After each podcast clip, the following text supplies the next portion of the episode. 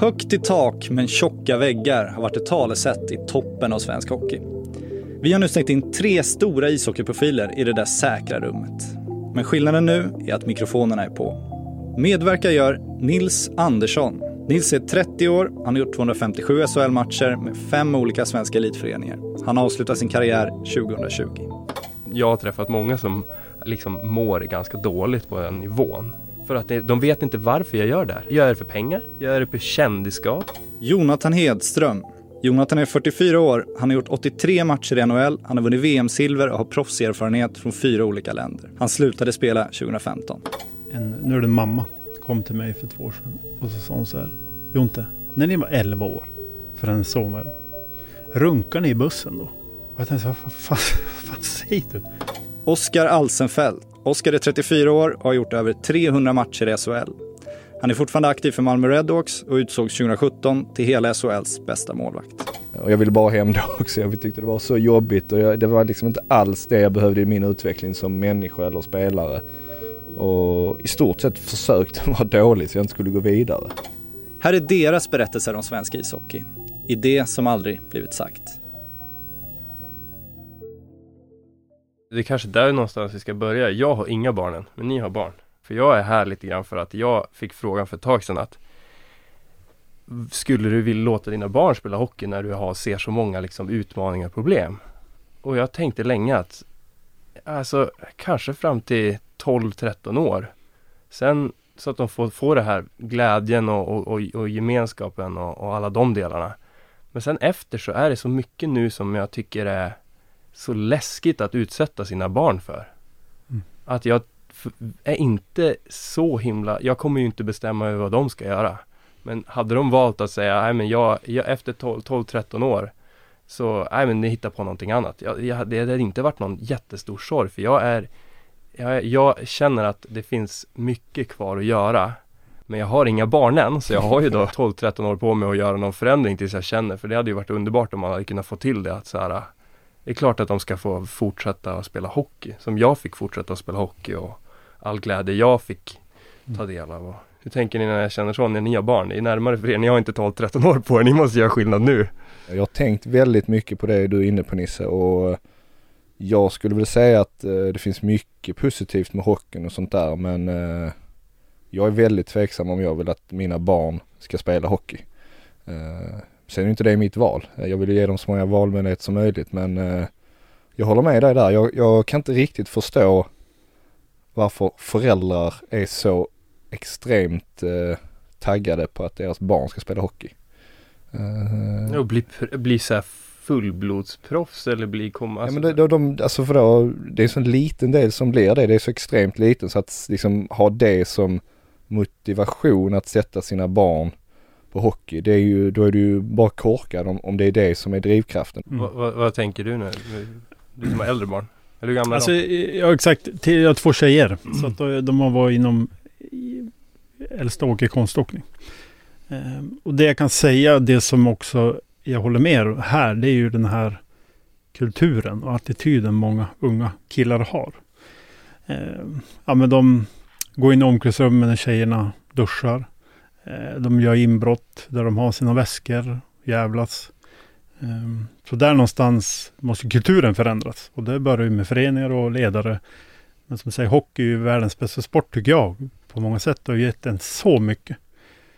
Men som ni säger nu har det kommit fram så mycket och det vet ju vi som har spelat. Det har ju varit många tuffa dagar och, och man har ju varit en del av kulturen själv. Jag har också varit kanske inte mobbare men att hur man har betett sig på isen och framförallt utanför. Eh, och det har man gjort på grund av att man inte har vågat säga nej heller. Mm. Eh, så där tror jag man, man kan få till en förändring. Inte kanske själva på isen, det, det ska vara hårt. Alltså hockey är en hård sport, men alltså att få det lite mjukare världen utanför. Så tror jag absolut jag skulle vilja ha mina barn kunna Men det är väl därför vi lite kanske är här, för att vi har inte gett upp, då hade vi inte varit i den här studion. Mm. Eller vi hade jag, inte liksom, det är inte så här, det är inte heller bara negativt, men vilka sidor är det som är men jag, vill, jag, jag tänkte på det Jonte sa att han tycker att det är liksom världens, eller jag vet inte vad du sa, fantastisk sport och mm. sådär. Varför tycker du det? Eh, för att eh, känslan att gå ut inför en fullsatt arena. Alltså nu när man nådde hit. Men om jag kollar tillbaka när man lirade hockey själv, när man var där nere på, i Boliden. Jag och Fredde Varg och du vet, spela smålagsspel. Um, alltså just det där, du fick åka kanske på din första kupp. Det var en kupp per år vi Mm. åkte en Boliden. Alltså en sån här, det blir ju också en gemenskap eh, som jag har haft svårt att hitta sen jag slutade. På så vis. Alltså jag, jag håller med och jag har ju, jag tycker också det är en fantastisk Mm. sport. Men jag tycker, eh, jag har ju börjat frågasätta lite varför jag gör det då i samband med mina barn och så här. För att eh, mycket av det som jag också använder som ord till varför den är fantastisk, den kan man ju också hitta i andra sporter. Eh, och då har jag börjat tänka så här, ja men det kanske inte är en sån fantastisk sport som jag tror bara för att jag har fått så mycket ut av det.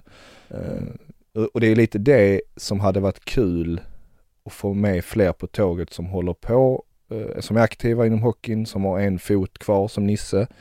Eh, och alla vi som brinner för hockey. Att man liksom får med fler på tåget att verkligen på riktigt förändra eh, kulturen så att det kan bli en sport som faktiskt är fantastiskt eh, oberoende från en känsla av publik eller eh, snacket i bussen eller 2-0 eller, eller, vad, eller vad, vad det nu än är liksom. Att vi Alltså att vi, att vi kan vara stolta för vår idrott så att vi verkligen kan sitta och säga att den är fantastisk. Så känner jag lite. Men det är ungefär 1% som tas till SHL. Ja det säger ju allt. 0,1 tas till NHL. Alltså 0,1 procent Mm. av alla hockeyspelare. Eller utöver. Mm. Och det är där någonstans jag tror, jag vet inte var ni med i TV-pucken. Mm. Ja. Eh, där, eh, hur ni kan tänka tillbaka, det var en ganska stre- idag är det ju väldigt stress för många. Mm. Eh, kommer du inte med så kanske du inte kommer in på NIU hockeysko- eller ishockeygymnasiet. Eh, och där också är det idag många som slutar. Mm. Tyvärr. Om du inte kommer med i TV-pucken. Och ja, men då är vi 15 år. Tänk hur många vi tappar. Alltså ni vet ju det. Jag har ju spelat med de som var helt fantastiska i den åldern. Sen, är du med? Så rann det ut i sanden. Mm. Så att man vet ju inte vem som ska bli bra då heller. I puberteten eller du vet. Vissa växer olika. En del har mustasch och skägg när de är typ 15-16. Så att få ner stressen där tror jag också. Ehm, och där har jag ju försökt. Jag var ju föreläste för förbundet och de säger att men vi vill ha kvalitet. Och det kan jag förstå, det är inte det det handlar om. Men jag tror vi måste ändra något typ av upplägg. Så att de som inte kommer med, att de inte slutar. Vi måste... För att bredden har ju försvunnit idag. Mm. Men om, eh, varför vill förbundet ha kvar det så mycket? Eller i, varför vill de ha det just i de åldrarna? Ja men det är ju eh, i och med att det är team 16 året efter och det är då det är egentligen första landslags... Så de vill ha en eh, enkelt sätt att sålla? Ja, det kan, kan man väl säga. Okej. Det känns så. Alltså jag vet inte vad det annars det ska vara. Ja, det känns som att eh, är det tillräcklig anledning då om det är många som försvinner och inte mår bra? Mm. Då får man ju väga de två mot varandra tänker jag. På Då, sju år, för sju år sedan var det 790 någonting för föreningar. Idag är det 392. Och vem, hur, hur tycker ni fokuset är mellan de 0,1 procenten eller 0,1 eller 1 procenten eller 0,1 procenten? Hur mycket krut som läggs på dem och hur övriga 99 procenterna? För jag tycker att det är ju väldigt fokus på de 0,1 procenten eller 1 procenten. Så är det. Helt rätt. Och det här blir ju elittänket när vi har de här camperna också som är där ute i, i Sverige idag. Ehm, jag vet inte, ni har väl stenkoll på det också. Alltså Mm. ungdomar, många papper. Jag tror inte ofta... Det är inte alltid barnen som vill dit. Det är ju oftast papperna som driver det här.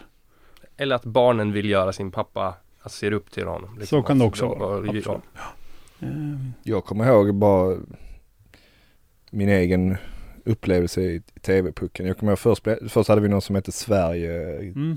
eller pucken eller vad det hette i typ året innan för att jag vet inte, träning för TV-pucken. Det låter ju löjligt nu när jag tänker på det efterhand. Men eh, då kom inte jag med där och jag var jätteledsen för det och precis som du säger, jag ville ju typ sluta för jag tänkte Ja men jag är bra och, men jag är inte tillräckligt bra så varför ska jag hålla på? Och så man, redan då tränar man ju mycket och håller på och, eh, Ja och sen så blev jag uttagen till TV-pucken och var ju glad för det och så. eh, eh och det gick bra, jag spelade nästan alla matcher och ja, jag, det var lyckat liksom så rent sportsligt. Men jag, jag kommer ihåg att hela den turneringen var bara jobbig. Det var bara, jag ville bara hem och ja, alltså jag fick inte ut någonting av det. Sen efteråt fick jag åka till sånt här breddläger för att jag, ja men var hyfsat okej då på den här TV-pucken. Och jag ville bara hem då också. Jag tyckte Mm. det var så jobbigt och jag, det var liksom inte alls det jag behövde i min utveckling som människa eller spelare. Och Finding your perfect home was hard, but thanks to Burrow, furnishing it has never been easier. Burrow's easy to assemble modular sofas and sectionals are made from premium, durable materials, including stain and scratch resistant fabrics. So they're not just comfortable and stylish, they're built to last. Plus, every single Burrow order ships free right to your door.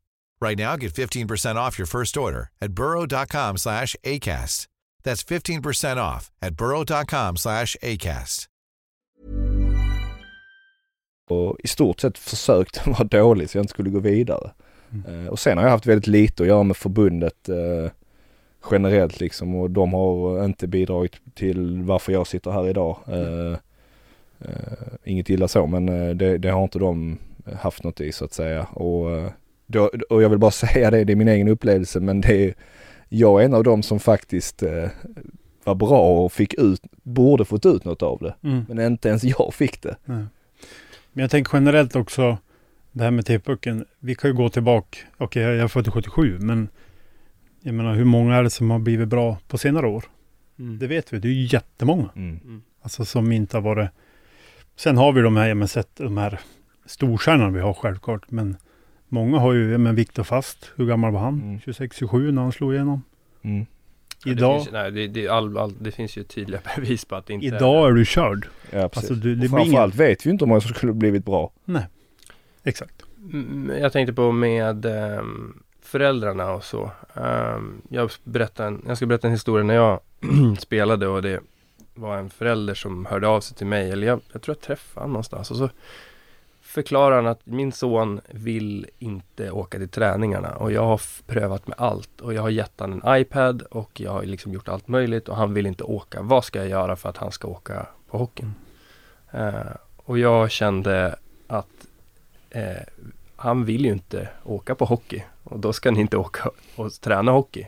Är det du som vill att han ska Mm. spela hockey eller är det han som vill spela hockey? Det var ganska tydligt att det var, inte var sonen utan det var pappan. Mm. Känner, har ni någon, känner ni igen er någonting i, i det där liksom? Hur mycket som helst.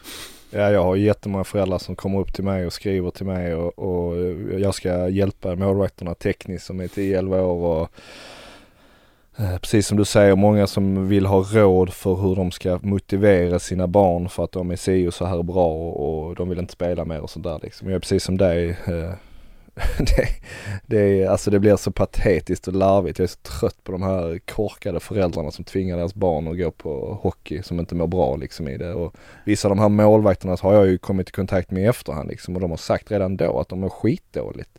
För att det är en sån oerhörd press och liksom Eh, alltså du mår dåligt som målvakt om du inte eh, liksom är i rätt omgivning och folk förstår det. Eh, och så har man då föräldrar som tycker det är så viktigt att trycka på. Och jag tror att jag ska inte generalisera, det är klart att det finns föräldrar där ute som känner sina barn och att, att de kanske vet liksom hur, vad som är bäst för ens barn i, i vissa tillfällen och jag vet min pappa och mamma var ju alltid så här om du börjar en säsong, alltså du får välja själv, du, du behöver inte spela hockey men om du börjar en säsong så slutför du den. Mm. Så det kan ju vara lite så olika grejer man har i, i i, i, i ens egen familjekultur så att säga och, och hur ens föräldrar är och sådär. Nu kommer min pappa från hockey och sådär så han drev ju på det säkert också men eh, ja, jag vet inte, jag, jag har så svårt att förstå föräldrar som tycker det är så oerhört viktigt att deras barn ska spela hockey. Jag var till um, Edsbyn och föreläste och det är ju, snackar vi bandy. Eh, då kom det upp en pappa efteråt och sa så här att hans son spelar Alfta. Det är en liten by, en och en halv mil. Han är tio år och då sa jag att eh, Bollnäs eh, rycker i, i min grabb för han är jätteduktig. Och då sa han, men varför ska han gå till Bollnäs? Det är ju typ fyra mil enkel väg. Ja, men Bollnäs sa det att de vill klippa svansarna. Och då frågade jag, vadå? Ja, men alltså de vill selektera redan i tioårsåldern. Då förstår ni hur det är. Alltså det här vi snackar vid lilla Bollnäs. Alltså hur tror du det är? Så de har aktivt sagt det liksom. Jajamän, han berättade pappan. Och då sa jag det att snälla, låt han vara kvar. Menar, han kan gå på hallen och vara med sina kompisar. Blir han bra så kommer han ju bli det ändå sen. Men det är ganska sjukt hur långt ner i åldern det är. Ja det är, och hur många föreningar som, som har helt fel approach tycker jag. Ja men alltså det, den här, det jag tänker på när jag växte upp Det som gjorde mig bra var ju leken Det var, det var Det var liksom på gatan, det var inlinehockeyn med polarna. Då vi liksom började lördag morgon och slutade söndag kväll. För att det var så jäkla kul. Ja men jag håller med. Man köpte Ja. en, en, en, någon energidryck som man inte måste vara 18 nu för att köpa när man blev trött. Ja. Ja. Det var det som gjorde mig bra. Mm. Halsade dem direkt på gatan där. Men, det var, det var, ja. men sen satte de, de satte till och med upp skyltar utanför ICA, inga inlines här, för vi kom ju bara in liksom 18 pers, Ja. drog ut alla de här Euroshopper 490, bara rakt ut med dem. Så det var liksom, nu kommer de. Men det var ju, alltså det var ju, och det är också en av de så här, det varmaste minnen jag har. Det var, Mm. Och det var där man lärde sig att samarbeta, leka, glädjen. Det hade inte varit någon camp eller att min pappa eller mamma tvingade mig. Nej, jag har typ aldrig varit på en camp på sommaren. Jag har alltid sagt nej. Nej, för fan. Det är totalt waste of money. Ja men liksom chilla ner, spela fotboll på Ja. sommaren och koppla av lite och få bollkänsla. Mm. det är ju tioåringar, många, alltså från tio års ålder som har egen PT då också. Mm. På sommaren. Ja. Då förstår ni hur sjukt det har blivit. Och det här är i hockeyn. Vad är det som gör att det blir så? Alltså vad, Jag är, vad tror ni att det är som att det, Det är pappaföräldrarna. Ja det är de här som tror liksom att, eh, Min son ska, ja, Men lever de ut sin dröm genom sina barn? ja, Eller? helt säkert. Ja, och de lär ju bli besvikna. Ja men jag tänker, ja, ja de, att, det, att det är bara 0,1% eller att de Exakt. Ja. Mm. Majoriteten i alla fall. Mm. De, de som lyckas då med sina barn, de kanske också, många av dem mår ju inte heller bra. Även om Nej, de men- tjänar pengar ja, och spelar precis. hockey. Det tänker jag också, till vilket pris är det? Det kanske är att även om det, vi, vi, vi, vi leker med tanken att det blir bättre att gå på camper och allting. Och att man tvingar sina barn även fast de inte vill eller att de kanske känner press att de måste och därför säger de ja men det kanske de inte vill. Och så tar de sig igenom det här och kommer till NHL och tjänar alla pengar i världen och får alla rubriker de vill. Men till vilket pris då? Alltså Mm. om de inte vill det själv. Jag har träffat många som liksom mår ganska dåligt på den Ja. nivån. Mm.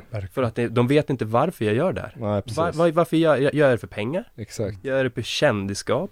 Men så är det ju med allt. Jag menar om dina föräldrar trycker på att du ska bli doktor och du känner direkt att nej jag vill bara typ måla tavlor. Mm. Jag är kreativ, jag vill inte hålla på med det. Ja men så gör man ändå det och krigar de sju åren.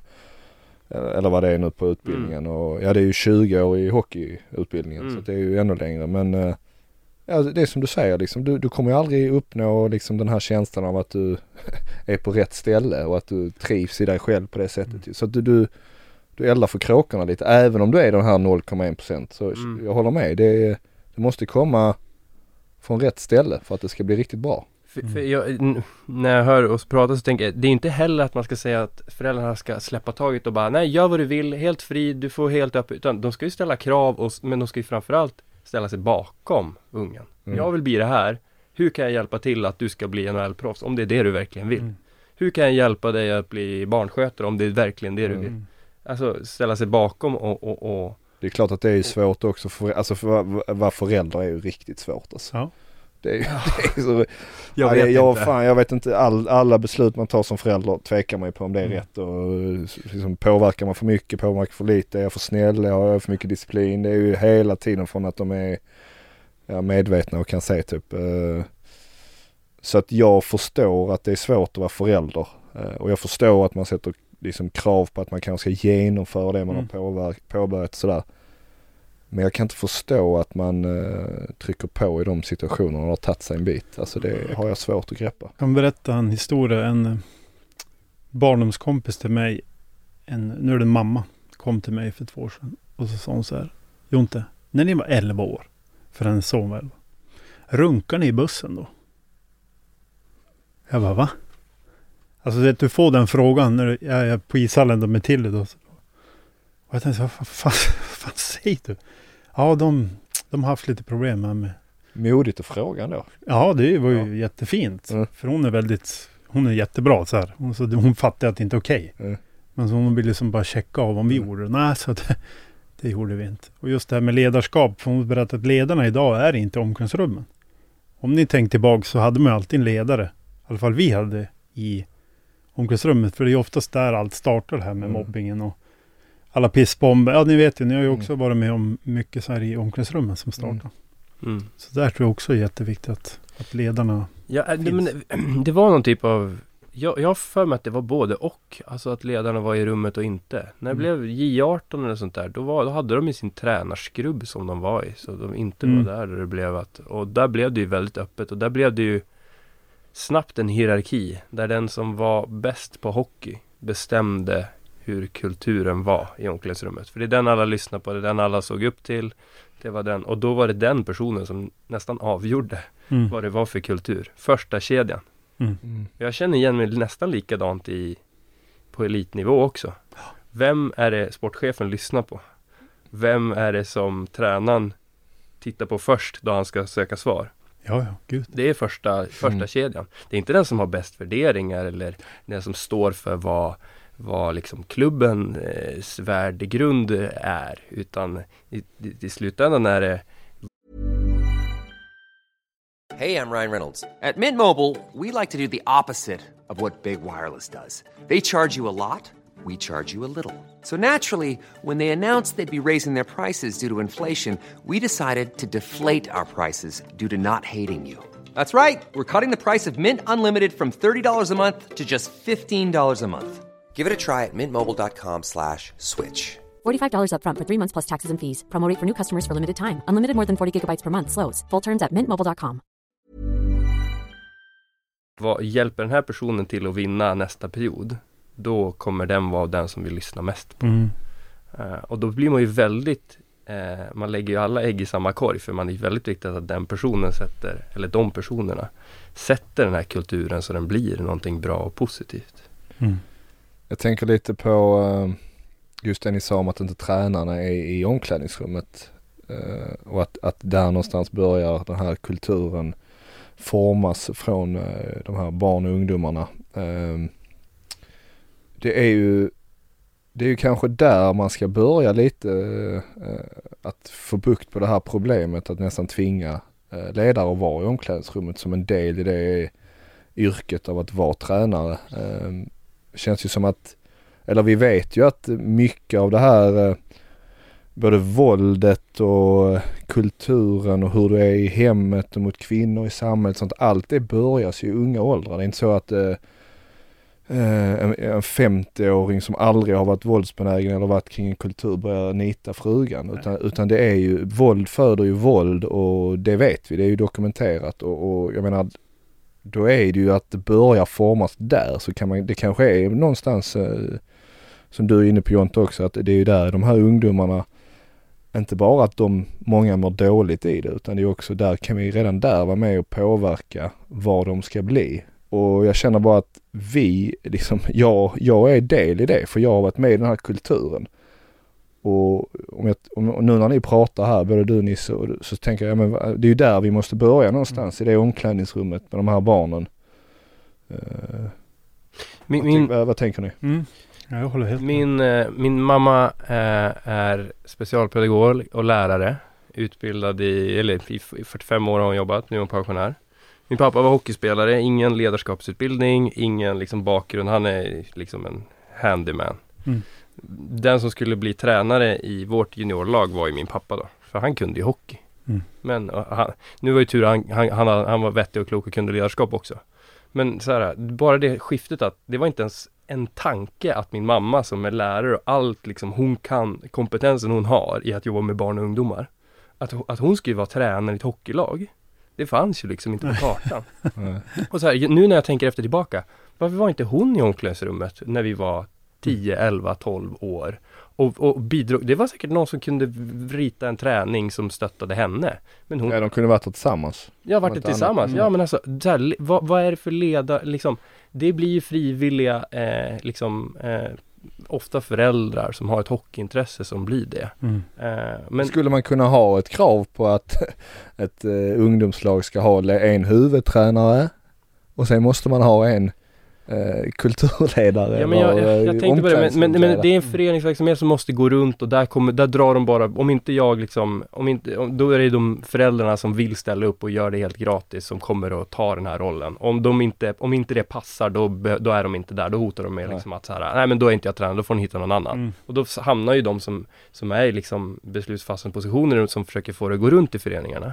De hamnar i en position att ja, jag har, vi har ingen makt där, vi måste ha en tränare. Mm. Och den här personen, ofta med någon grabb som är duktig eller att pappan har någon ambition och lägger ner hjärta och själ i det här. Men då är det de vi är de som ska, blir då är det de jag inte ska föreläsa för, de ledarna som gör det som gör det gratis och, och får dem att förstå vikten Mm. egentligen. Eller?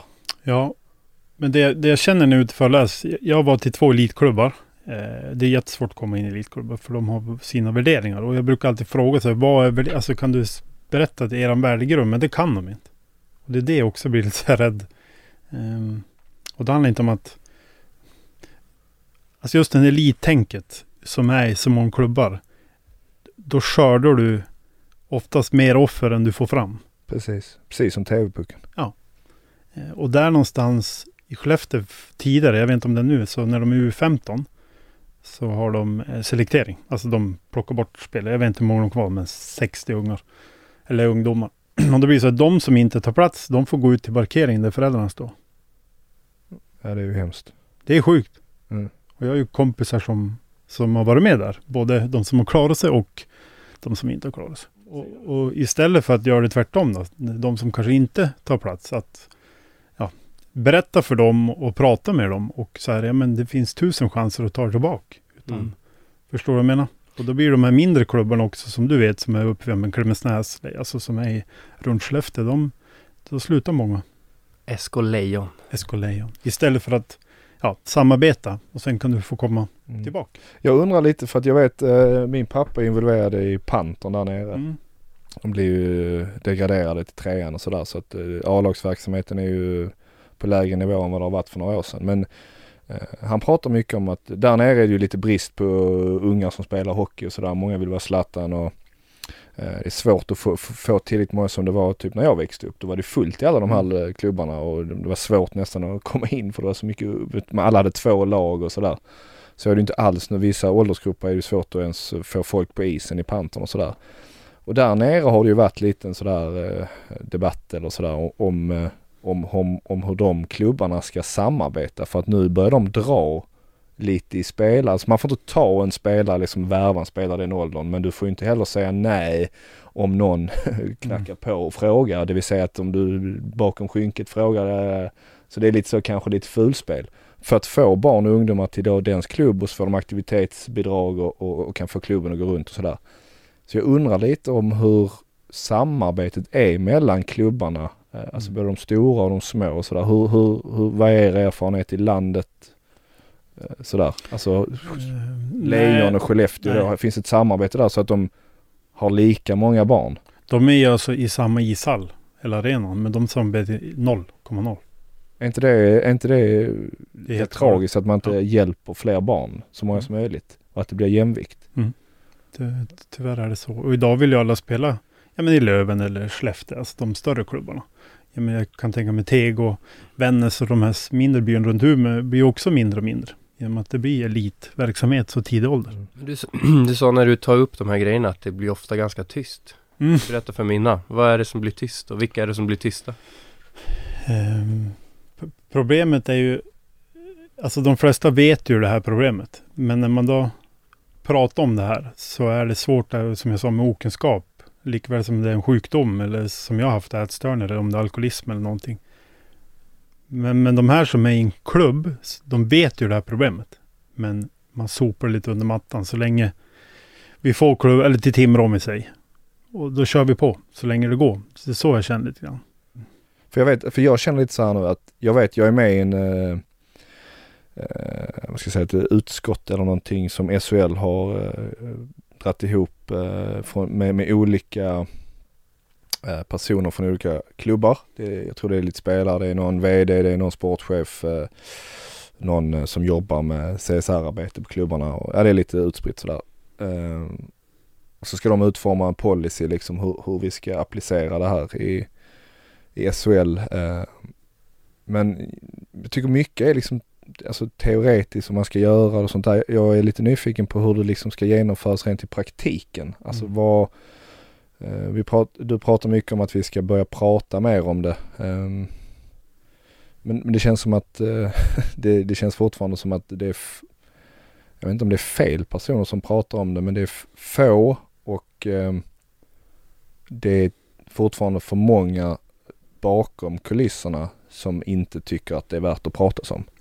Och då fortgår det ju på något sätt. Eh, Så jag, und- jag undrar, hur, hur, så har du någon idé eller ni hur man ska alltså alltså komma vidare i problemet liksom. Både med kulturen och tystnadskulturen och, och machokulturen och allt det här. Alltså hur ska vi göra det bättre?